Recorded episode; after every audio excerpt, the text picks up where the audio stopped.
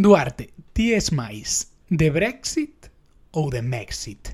Eh, pois, a ver, co Brexit xa estamos moi familiarizados. Que, que é iso de Mexit?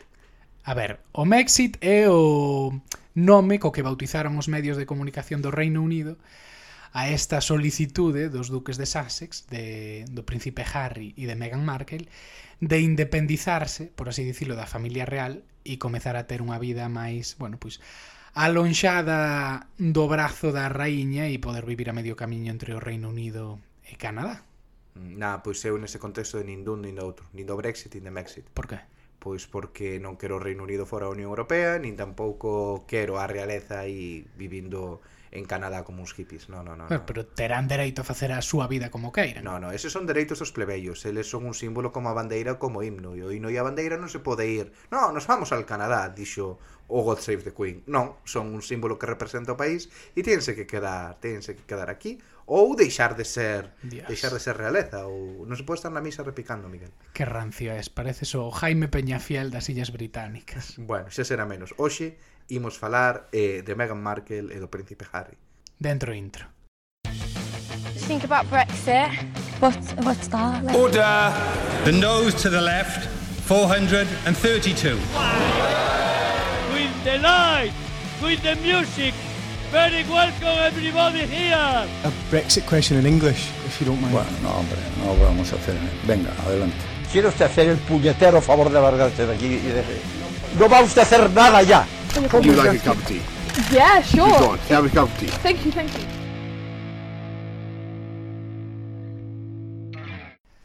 Antes de abrir o debate sobre o Mexit, imos tratar de explicar en que consiste isto e como comezou, porque a verdade é que non se fala doutras doutra co cousa nos medios de comunicación aquí ni nos no Reino Unido. Nos medios de comunicación e nos bares. Eh, outro día tomando unha pinta, pois pues, isto saliu nun tema cun descoñecido, non? Aí falando da Exacto. De que opinamos en Mexit e da, da situación. Susti sustituí o debate do Brexit, pois agora temos o Mexit. Ben, a ver, isto comeza o mércores da semana pasada, cando o príncipe Harry e a súa muller Meghan Markle, que oficialmente son os duques de Sussex, lanzan un comunicado en Instagram a pesar de, bueno, non ser a, a canle que te esperas da familia real, non? Para estas cousas. Lanzan un comunicado no que din que teñen intención de desvincularse do núcleo duro da Casa Real Británica e comezar a voar, por así dicirlo, por soli mm, en solitario, non? Ter unha vida privada, eh, afastados da, da batuta da, da raíña.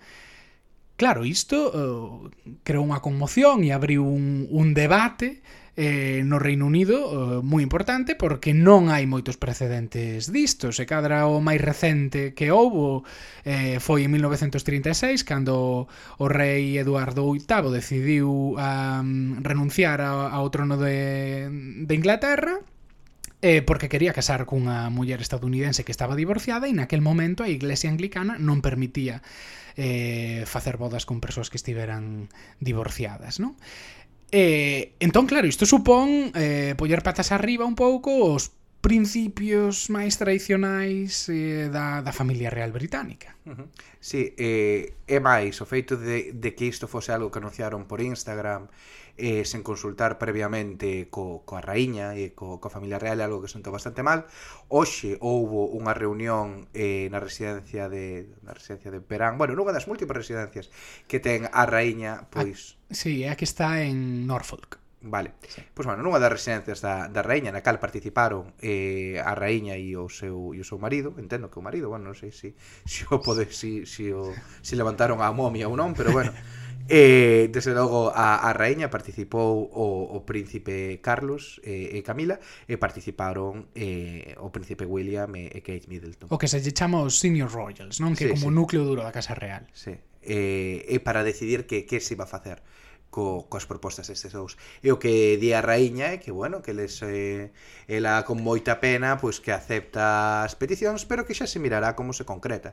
Porque, claro, aquí a clave vai estar toda eh, no detalle, como dicías ao principio. Vai haber que fiar moi fino cales van a ser eh, os compromisos económicos que o Estado británico e a Coroa británica teña que asumir con estes dous, cales van a ser as tarefas que poidan asumir como membros aínda da familia real, e e, e calva, quen vai pagar a súa seguridade, que tamén son cuestións moi importantes pois para eh, para definir ainda a día de hoxe. Claro, porque agora mesmo todos estes senior royals, a súa vida, por así dicilo, mm. os seus gastos son financiados pola familia real británica. Claro, eh, porque non poden traballar, é dicir, non, non teñen outro. Claro, teñen unha labor de representación meramente. Mm. Agora o príncipe Harry, eh, Harry e Meghan Markle queren pois comezar a ter as súas actividades eh, privadas e comezar a recibir ingresos por esa vía, renunciando, iso sí, pois a parte do, do, dos ingresos que reciben agora por conta da familia claro, real. Aí, aí o detalle está en, en que a que renuncian, porque pois unha parte do, dos ingresos que, que reciben a día de hoxe, si que son directos, digamos, da, da Casa Real, en torno ao 5% dos seus ingresos, pois son financiamento que poderíamos definir estritamente como público, pero a maior parte do financiamento non ven aí, ven do Ducado de Cornwall, que é unha entidade así público-privada, unha entidade que, que, que se entende que pertence á, á realeza, por decirlo así, que eh, é propietaria de moitísima terra no Reino Unido e que xera moitísimos beneficios. E o que lle permite ao príncipe Carlos pois eh, vivir e onde saca os seus ingresos. E, e parte de, dese, deses ingresos van para o seu fillo, para o príncipe Harry para, e para a súa consorte, para, eh, para Meghan. Claro, diso que non é fondo público directamente tamén van a renunciar, porque que diso é, o, é do que dependen a maior parte dos seus ingresos a día de hoxe. E esta entidade non paga, por exemplo, impostos. Claro. Porque fai parte da realeza. Entón, estes señores van a vivir de xeito independente en Canadá, teóricamente e financieramente independente e seguir recibindo dinheiro do Ducado de Congol. Claro, pois pues porque sei. eles queren vivir a medio camiño entre o Canadá e o Reino Unido, eh, Meghan Markle vive no Canadá actualmente, e aí pois entra o problema de algo que mencionabas ti antes, a cuestión da seguridade. Harry vai a seguir sendo un membro, eh, vai seguir sendo o neto da raíña, vai seguir sendo o, o, o fillo o do rei. Fillo do probable futuro rei, bueno, sabe Dios que pasa aí co príncipe o, Carlos, o, o, o irmán do o rei. Irmão. Entón, pode a familia real británica permitirse o luxo de renunciar á seguridade dun membro da familia real como Harry? Eh, ata que punto Harry vai ter independencia para facer investimentos porque agora mesmo, bueno, a familia real británica ten os seus investimentos en empresas privadas pero son investimentos que están controlados pola familia real, é dicir, non se meterían a investir en empresas ou mellor polémicas ou controvertidas por unha cuestión de imaxe. Creo que o gordo que esos efeitos son en propiedade e en terra. E que, claro, entón, vai ter Harry dereito a investir nunha nova empresa do cannabis en California, por exemplo, que podría ser Podre, algo, algo podría polémico. pasar, é Harry. Podría pasar, bueno, exacto, é, é Harry, ademais que os precedentes de Harry ata que entón claro, son dilemas que haberá que, que ver como fía de fino a familia real, pero bueno, pois pues que se están poñendo sobre a mesa de, de todo este asunto. E ademais, bueno, a noticia chegou nun momento realmente malo para, para a reputación ou a imaxe pública da familia real británica e personalmente para a raíña, pois no, o comentábamos no anterior eh, Tesengotas, Hai unhas semanas o marido da raíña, o duque de Edimburgo, estivo hospitalizado, bueno, a súa saúde está un pouco fele.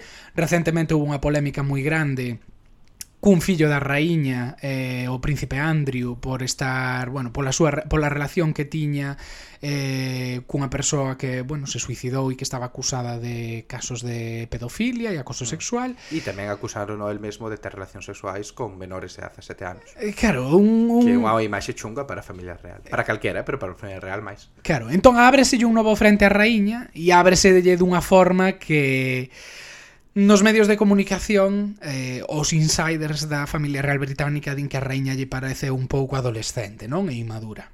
Mm. Sí, bueno, de que o que dicías ti antes, tamén hai precedentes eh, no caso do, do seu tío, non? Do... Eh, como se chama? Do, do, do, do rei Eduardo, Eduardo VIII. Que envexa de Crown, a serie, saberá sí. un pouco disso. Que morreu no exilio, morreu en, en, en Francia, precisamente, non? Uh -huh. eh, foi algo moi traumático para, para a familia real. Pero claro, que eu creo que aquí tamén se abre un debate sobre o que, o que é a monarquía, cales son os roles que ten que asumir a familia real e que é asumible e non é asumible dentro dunha institución tan arcaica como é, como é a monarquía. Sí, pero é, é certo que mm, con Harry con Meghan mm. desde que casaron, eh? non só a raíz desta decisión, sino desde que casaron, eh, desde a prensa máis conservadora ou que son os tabloides británicos deuselles bastante caña. Mm.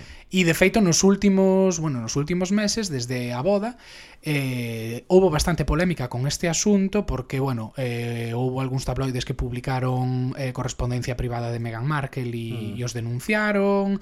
Harry tamén denunciou ao xornal de Sun, se si non me equivoco. Bueno, a varios, creo recordar, non, non foron. Eh, hai hai varios conflitos legais abertos sí. coa prensa británica porque está habendo unha campaña, bueno, pois de acoso contra esta parella que rompeu un pouco os estereotipos do que do que viña sendo a familia real británica. Ela é unha muller de orixe afroamericano, estadounidense, divorciada, que viña dun mundo tan afastado do que ven sendo a a sangue azul como mm. como era Hollywood e que, bueno, pois rachou un pouco esa, eses consensos máis máis tradicionais e en parte a causa desta decisión, a das causas desta decisión, polo que polo que comentan, ben diso, non? Desa campaña de acoso a que se viron sometidas sometidos os dous nos nos últimos meses. Isto é un pouco así teoría, que estábamos falando antes de feito Duarte e eu, pero eu creo que o Brexit e o Mexit son en certo sentido dúas caras da do do Reino Unido actual, non? O Brexit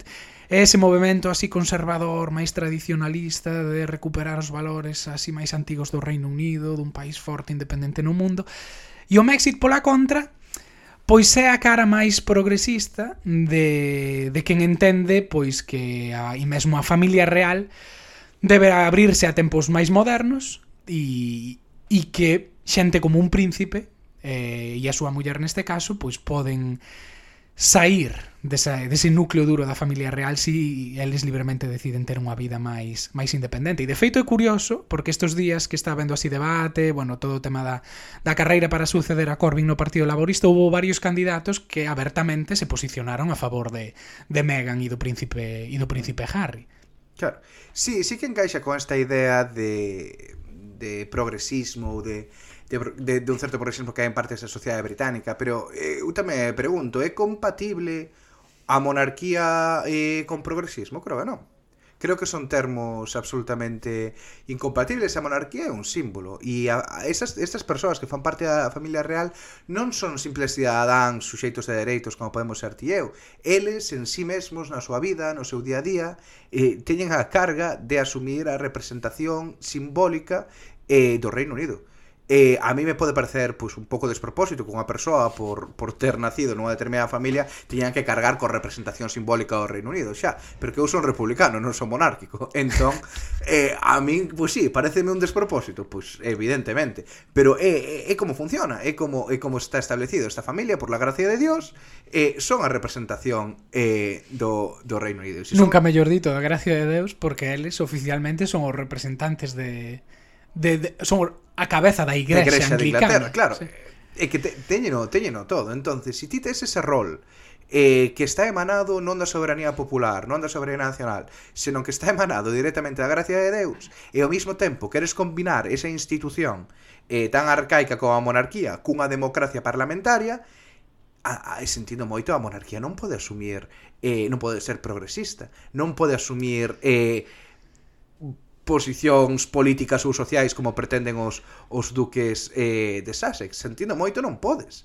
Non podes porque tens que representar ao conxunto do Estado como o himno, como a bandeira. E iso ten que ser elementos que unan a canto máis eh, canto máis xente posible, o que quere, o que esperas dun monarca é que se, se saia, eh, mova a man, salude, vai aos sitios, sorría, eh, que cando teñan un fillo que o ensinen en plan pueblo, mirad al heredero, e que e que se vayan para casa e calen a boca. E que o que dá mala imaxe? Pois eh que te tires a menores como o príncipe Andrew, eso dá unha, unha imaxe moi mala para a familia real, eso non é o, o contrato social que hai ahora mesmo na monarquía, dá mala imaxe as cousas que facía eh, o príncipe Carlos eh, durante todos estes anos de conflito que se Camila que se Diana, e dá mala imaxe pois isto que está facendo o príncipe Harry e Meghan Markle de no, nosotros queremos ser iconos progresistas, e quero, quero ser Michelle Obama e quero ser, eh, non sei, unha especie de Obama eh, británico. Pois non podes, se si queres ser algo así e queres que que a túa xente eh, respete as túas, as túas opinións, pois te presentas a presidente da República, yes. que para eso tes algún tipo de legitimidade popular. Si non, esta xente pois non deixa de ser pretender darlle un aire de celebridade e de celebrities e entrar no xogo das celebrities a algo que para ben ou para mal, é unha institución eh, política do Reino Unido. Quedaches a gusto, eh? Boa, mogollón. A ver, a ver, para aclarar unha cousa, porque quen escoita a Duarte pensará que Harry é o próximo rei. Vamos a ver, Harry é o sexto na liña de sucesión. Eh, antes del iría o príncipe Carlos, eh, por todos conocido por ser o eterno sucesor, que a ver que pasa con él e polo, bueno, pola súa, polo seu gusto polas bebidas alcohólicas. Eh, ah, pero o... eso vai a toda a familia. Eh? Bueno, tamén a Reña, eso é certo. Sí, e a Nai de Rei. O seguinte sería o príncipe William, Eh, e despois do príncipe William aínda virían os todos os fillos, George, Charlotte e Luis. E despois viría o príncipe Harry. Por tanto, eu neste caso teño que dicir que non son tan conservador e tan rancio aquí como amigo Duarte. Oye, que eu son republicano, eu mandábaos a todos a traballar, eh, pero Xa, bueno. Se aceptas a institución, acéptala con súas normas. Eu nese sentido, eh, penso que están no seu dereito de intentar ter un rol diferente, simplemente un rol diferente. Eles tampouco están solicitando deixar de ser membros da, da familia real. Pois pues, ojalá. De feito, ah, eles que deixasen, e que se e que se fosen e que asuman o rol independente, bueno. pero non se pode estar na misa repicando. Ou unha cousa ou asumes o rol ou non o asumes. Non hai rol progresista, non hai rol intermedio, de, tal como vexo eu. Eu non digo que teña que ser un rol progresista nin creo que a monarquía per se necesariamente poda ser progresista, pero sí que creo pois que ese home que naceu nesa familia real sin el querelo, pois ten liberdade e ten o dereito a eh, desvincularse dela na medida en que o considere mm, posible e na medida en que o acorde co resto da familia real, pois a facer a súa vida de outra forma. Eles non piden tampouco desvincularse de todo, de feito, e isto é unha curiosidade, eh, eles registraron, e está vendo polémica con iso, porque registraron a marca eh, Duques de Sussex, para, entre outras cousas, poder editar libros, eh, mm, lanzar o mercado bebidas alcohólicas e demais produtos de mercado merchandising baixo esa marca. E é curioso porque houbo, houbo saliu no Financial Times de feito, unha persoa en Italia que a nivel europeo registrou esa marca. Entón agora os duques de Sussex, Harry e, e Meghan Markle, van a ir aos tribunais para, para reivindicar, por así dicilo, a propiedade mm, de Royals of Sussex, ou Sussex Royals, non sei como se, mm, como se chama. Entón, a familia real, de feito, é unha das cousas que vai ter que decidir é se si eles poden continuar con ese título, porque hoxe no comunicado da, da raíña mm, referiuse a eles como Harry e Meghan, non como duques de Sussex, o cal, bueno, pois na prensa entendida entendeuse como un guiño que o mellor mm, se lle retira o título. Eh, pero bueno, eu estou eu estou con Mexit, con Me Mexit, eh, en resumidas contas. Nah, eres un brando, Miguel. Eh, eu, eu aí neste caso defendo as esencias tradicionais. E que se non cale o punto de ter unha monarquía? Se, si, se aquí cada un pode facer eh, pode facer Dela un pandeiro, cal é, cal, é o objetivo de ter unha institución eh, milenaria, super rancia, que se funciona en base a convención eh, e, e a tradición? Pois non hai, entón para eso temos unha república, e pareceme ben, pero si queremos que aquí a familia real, por moito que sexa o sexto, na liña de sucesión do torno, sigue sendo irmán dun futuro rei, o fillo dunha reiña, o neto dunha reiña e o fillo dun, dun, dun futuro rei, pois ten que asumir o seu ten que asumir o seu papel e se non lle gusta, pois que deixe de facer parte desa familia real, pero que renuncie a todo. Non me vale que despois o tipo queira facer pasta co de eh, Sussex Royals ou que siga cobrando do ducado de, de Cornwall, pois sentindo moito non. Ou arre ou xo, ou dentro ou fora. E agora que mencionas o tema República e Monarquía no Reino Unido, haberá quen se pregunte, e como de importante o apoio a unha república no Reino Unido? Mm Pois as últimas enquisas, creo que a última así grande que se fixo foi de 2018, dicía que non chega a un 25% o número de xente que quere eh, unha república no Reino Unido. Inclu e, e eso entre a, os grupos máis novos, que no, é dicir, será eh, o 20%. No, entre os grupos máis novos non pasa dun 25% o apoio a unha república. Así que, bueno, para que vos fagades unha idea de ata que punto a familia real británica ten apoio na sociedade británica, Mm, Alguns a defenden por unha cuestión de tradición, outros son máis pragmáticos e a defenden porque pensan que dá cartos o país. Hai algúns estudos, sí. non sei ata que punto son rigurosos ou non, que din que a familia real por unha cuestión de turismo, de merchandising, de imaxe exterior, mm, dá cartos ao, benef ao Reino Unido e os cartos que se invisten nela pois acaban acaban xerando beneficios.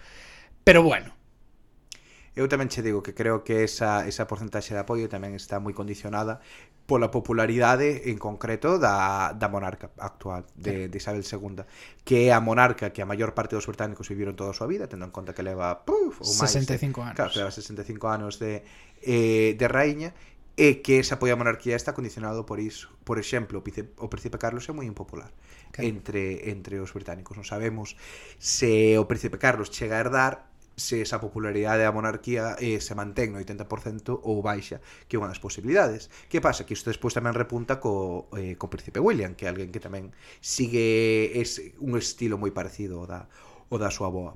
Así que e un pouco herdeiro de Lady Di tamén, o fillo de mm. Lady Di que ten unha imaxe, tiña unha imaxe moi boa no, no Reino Unido. Claro. E bueno, de feito mellor por esa imaxe tan Saúde por esa imaxe tan boa que tiña Lady Diana eh, no Reino Unido, pois o mellor iso tamén explica mala imaxe que ten o príncipe Carlos.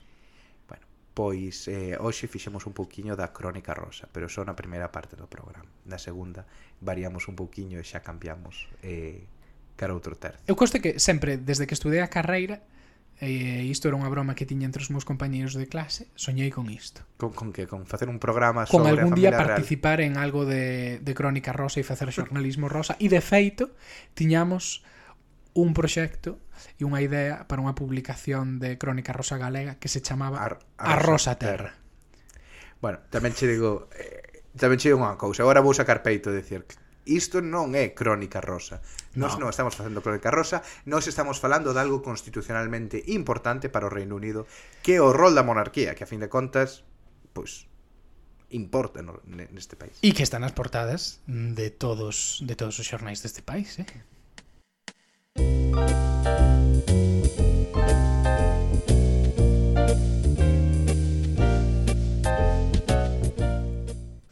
Pois para esta segunda parte do podcast ímonos apartar un pouquiño dos dramas da familia real e imos falar de algo que nos afecta máis aos emigrantes de a pé que vivimos en Londres, que son os vós.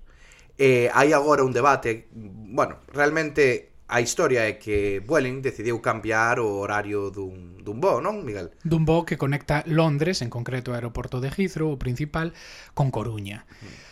É un voo, especialmente eu o sinto moi no meu corazón por ser da Coruña, con moita demanda entre os emigrantes que vivimos aquí, eh, porque até agora pois tiña unha frecuencia de noite, entón nos permitía sí. ao acabar de traballar ir ao aeroporto de Heathrow e coller o voo e estar pola noite na casa. Claro, ou sexa, era algo que, por exemplo, que se facíamos moito. Eh, un xoves pola noite, saes de traballar, vas para, o aeroporto, venres traballas na desde casa e aproveitas tres días eh, en Galicia. Exacto, sin necesidade de Gasta, ter que de, de gastar ter... vacación. Claro, gastar un día libre para viaxar basicamente. Entón a decisión de Vueling é que a partir do mes de abril, se non mm. me equivoco, eh, este este voo vai deixar de ser o voo da noite e vai pasar a ser un voo de mediodía. Uh -huh. O argumento que daban pois foi de que chegaron un acordo co, co, conce, bueno, co Concello da Coruña por un valor de 2 millóns de euros, teóricamente para aumentar o, o potencial eh, dese bo a nivel de conexións.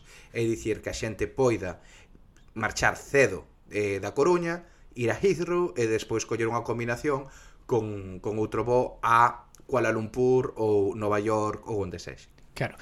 Que alternativas hai ou había ata agora para voar a, a Galicia. Había unha conexión desde o aeroporto de Stansted uh -huh. con Ryanair e Santiago de Compostela, sí. que precisamente está e ten un horario moito máis similar ao que vai a pasar a ter agora Vueling. Claro, outro, outro voo de mediodía. Claro. Polo tanto, antes, por así dicilo, había un pouco máis de diversidade nos horarios, eh, que agora, bueno, pois eh, vai vai desaparecer a partir claro, realmente isto é unha eh, bueno, e quítanos opcións porque agora tiñamos eh, os dous aeroportos que se estaban complementando no servizo que nos prestaban os emigrantes eh, no sentido de que tiñamos dous horarios, dous aeroportos moi cerquiña, un en Santiago e se podías gastar ou pasar o día eh, ou se non te importaba perder o día de vacacións e outro eh, en, en Coruña, pois máis xusto e que chegas pola noite. E, entón agora perdimos, perdimos esa opción. As malas linguas din que isto pois foi non é para que haxa esas conexións internacionais para que a xente vai a turistear polo mundo, senón que é para beneficiar a unha empresa importante da Coruña que empeza por I e remata por, Indi, por Inditex. Claro. Eh, pero Pero claro, a, isto a moita xente ou emigrantes eh, que somos viaxeiros regulares, pois afectanos, afectanos un poquiño. Nun dos principais foros así da emigración, que se chama nun foro en, en Facebook, nun grupo en Facebook, que se chama Galegos Morrientos en Londres, houve xente que comezou unha petición en change, eh, change.org para que se recuperasen os, os, os voos orixinais, pero tamén está causando moito debate, non? Porque non todo o mundo está necesariamente de non todo o mundo está descontento con este cambio horario. Claro, hai xente como pode ser o noso caso, pois que o cambio non lle ven ben polo que dicíamos, porque era moi cómodo sair de traballar, ir ao aeroporto, coller o avión e estar pola noite na casa, pero tamén hai quen di, sobre todo quen non vive preto da Coruña, que polo menos agora pois van a poder chegar a Alvedro a horas que non son intempestivas e que polo tanto pois o mellor non chegan as dúas da madrugada a C, claro. ou, ou a outros puntos de, de Galicia. Tamén che digo que hai outro problema máis de fondo que ten que ver coa conexión que teñen moitos aeroportos a nivel de, de transporte con cidades ou núcleos de poboación grande. Tamén. Que un problema que sexa difícil, pois se queres, non sei, se es de, de Ferrol, que está a media, ou de Narón, que está a media hora en coche de, de, de, de, do aeroporto da Coruña, chegas por noite, tampouco tes ninguna opción para chegar ou para moverte ou tanto a Coruña cidade ou a ou a, ou a, ou a Narón ou a Ferrol que é unha limitación que teñen tamén os aeroportos. Claro, pero bueno, eso xa entrar un pouco no eterno debate sí. sobre infraestructuras, o sentido de ter tres aeroportos mal comunicados claro. e demais en Galicia, que daría para para outro, outro para outro programa. debate, outro podcast, sí. Sí. Pois para entender mellor este cambio da conexión Coruña-Londres de Vueling, Imos falar con Álvaro Fernández, que é membro da plataforma Albedro Vuela Más Alto, que leva desde 2010 aproximadamente, pois dando información e facendo un seguimento de toda a actividade aeroportuaria en, en Albedro. Álvaro, que tal? Moi boas, aquí que, vamos, eh, colaborando cun espazo moi necesario para, según entendemos, para os, os emigrantes en Londres e eh, arredores. Bueno, moitas grazas. Bueno, imos comezar Cunha primeira pregunta que seguro que sí. o que se está facendo todo o mundo. A que se debe este cambio? Por que Vueling decide cambiar o horario desta conexión entre a Coruña e Londres que a priori tiñan unhas tasas de ocupación bastante decentes? Bueno, eh, o primeiro que temos que dicir é que nós duvidamos que fose Vueling a que a que foi, fora a, artífice do cambio.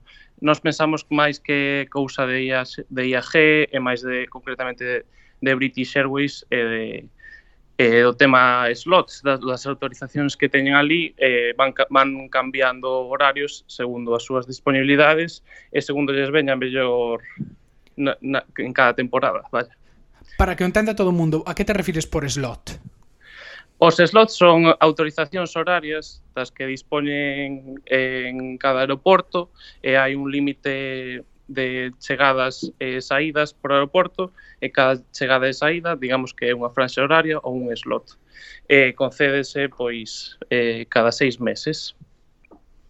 Claro, e, e Vueling pertence ao mismo, como dicías antes, non ao mismo grupo eh, que British Airways e eh, que Iberia, que IAG, uh -huh. entón eses slots, eses, eses franxas horarias son compartidas entre todas as, as aerolíneas do grupo, non? Exacto, eh, de feito o slot, eh, polo que temos entendido, non é de Vueling, senón é alquilado de, de da matriz, e de IAG neste caso.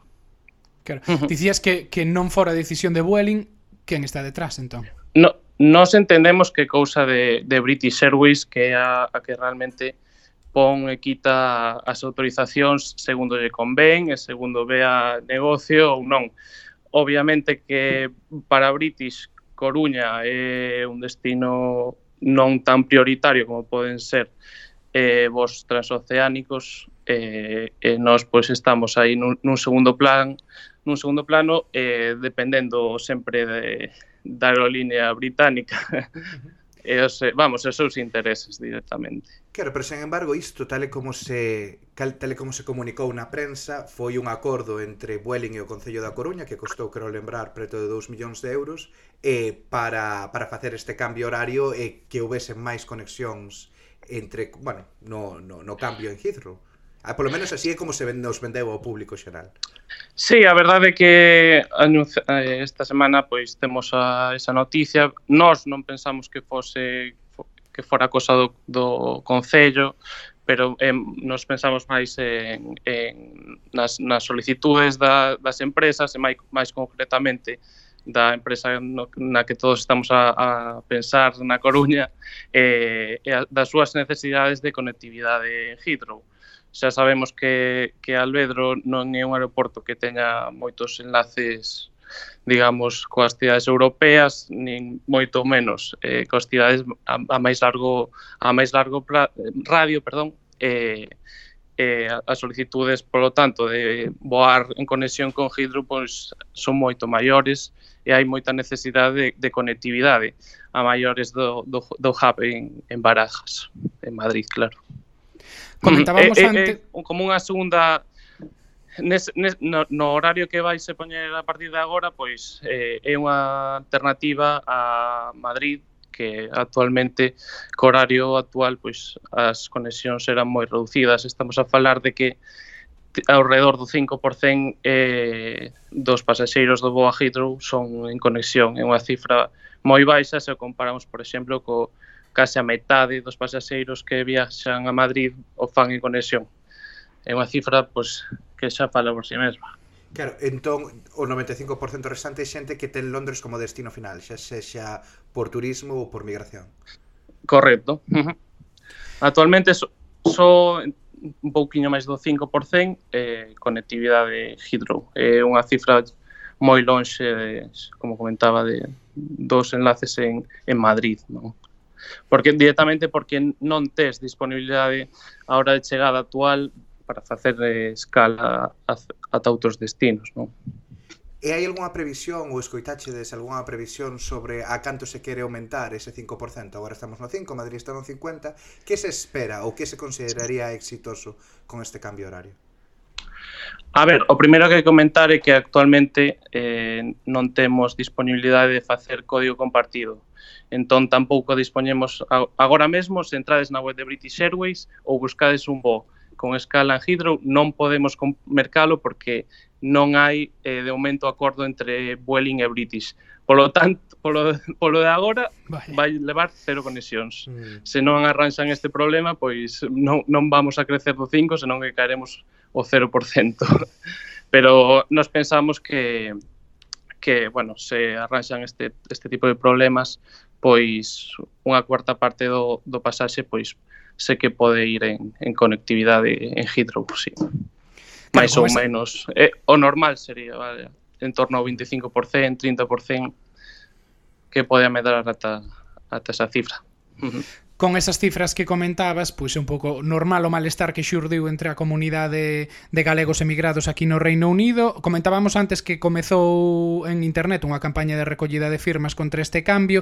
Ti que coñeces un pouco como funciona esta industria e, e as dinámicas das aerolíneas cando toman este tipo de decisións, ves posible que haxa unha marcha atrás de Vueling neste cambio se hai suficiente presión, bueno, pois de, de usuarios?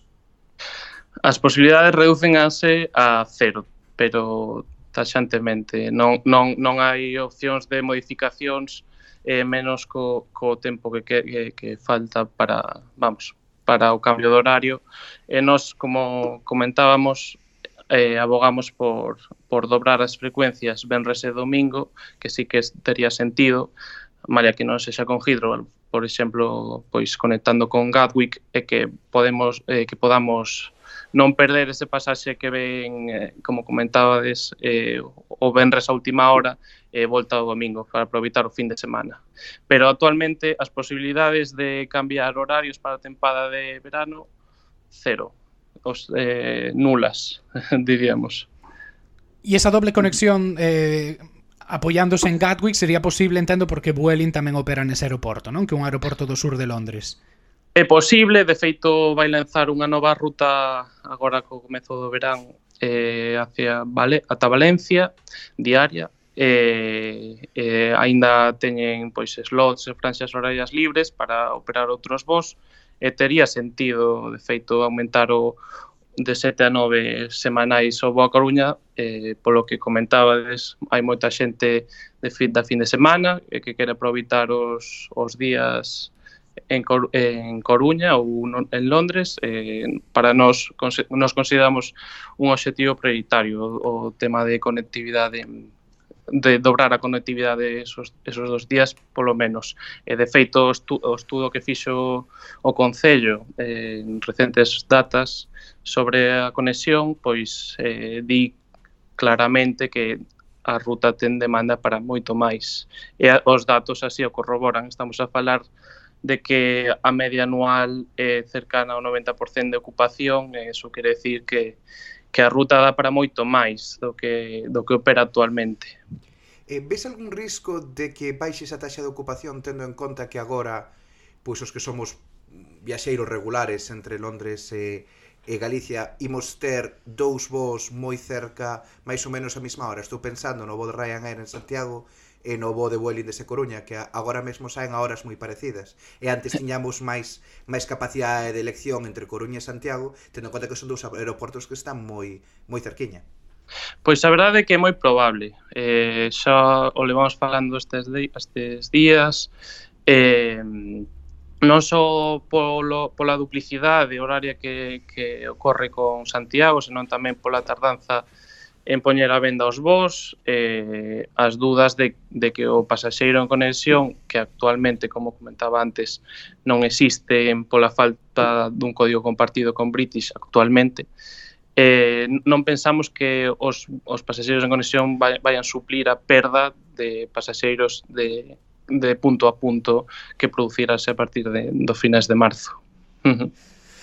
Bueno, pois con esta análise de Álvaro nos quedamos. Eh, Ele é probablemente un dos maiores expertos neste tema. Eh, vamos, lembro cando estaba de reporteiro local na, na Coruña traballando na opinión Que cando había algún problema recorríamos a él Cando había algunha dúbida sempre estaba aí respostando. Así que, bueno, un privilexio telo aquí explicando tan claramente como funciona un mundo Que, bueno, a verdade, todo mundo descoñece a pesar de que sexamos usuarios habituais. Quizáis imos ter que volver chamar nuns meses se esa taxa de ocupación baixa do 90 ou 80%, pois para, para ver que se vai facer despois. Pois probablemente. Pois, pois proba, probablemente e nós desde a plataforma moi, moi agradecidos de que nos, nos contactedes eh, vamos, nós pola nosa parte imos tentar eh, ese doble bo os venres e domingos para que non haxa unha desconexión para xente emigrante en, en Inglaterra, vaya.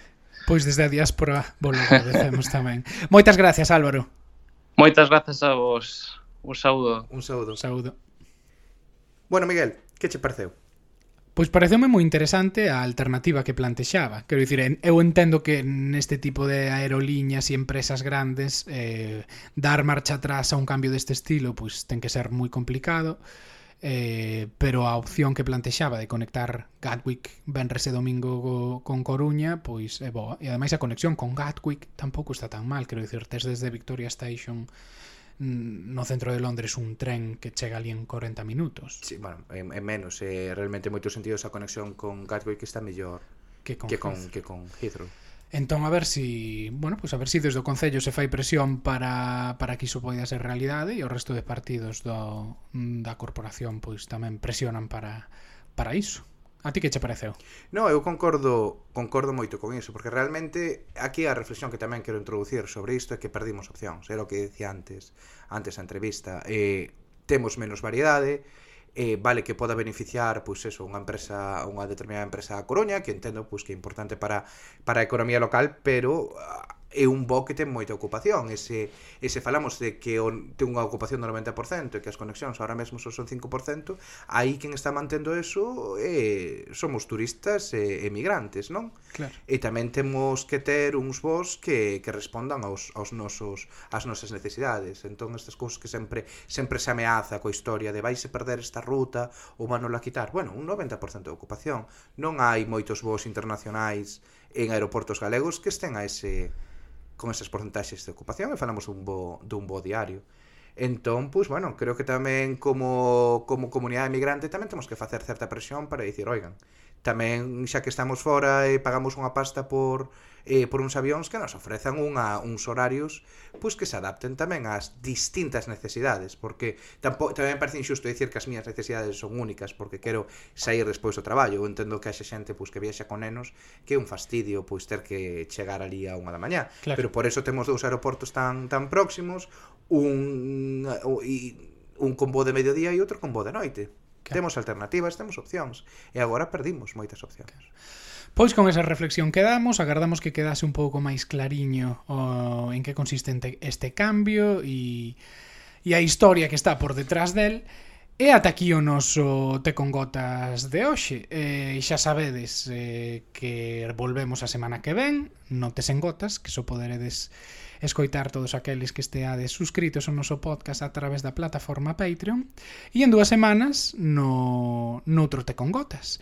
Eh, xa sabedes que temos un newsletter todos os mércores eh, facemos, bueno, un resumo das noticias máis importantes do que aconteceu no Reino Unido durante a última semana e que tamén nos podedes seguir en redes sociais, en Facebook e en Twitter onde facemos análises pois do que do que acontece no no Reino Unido.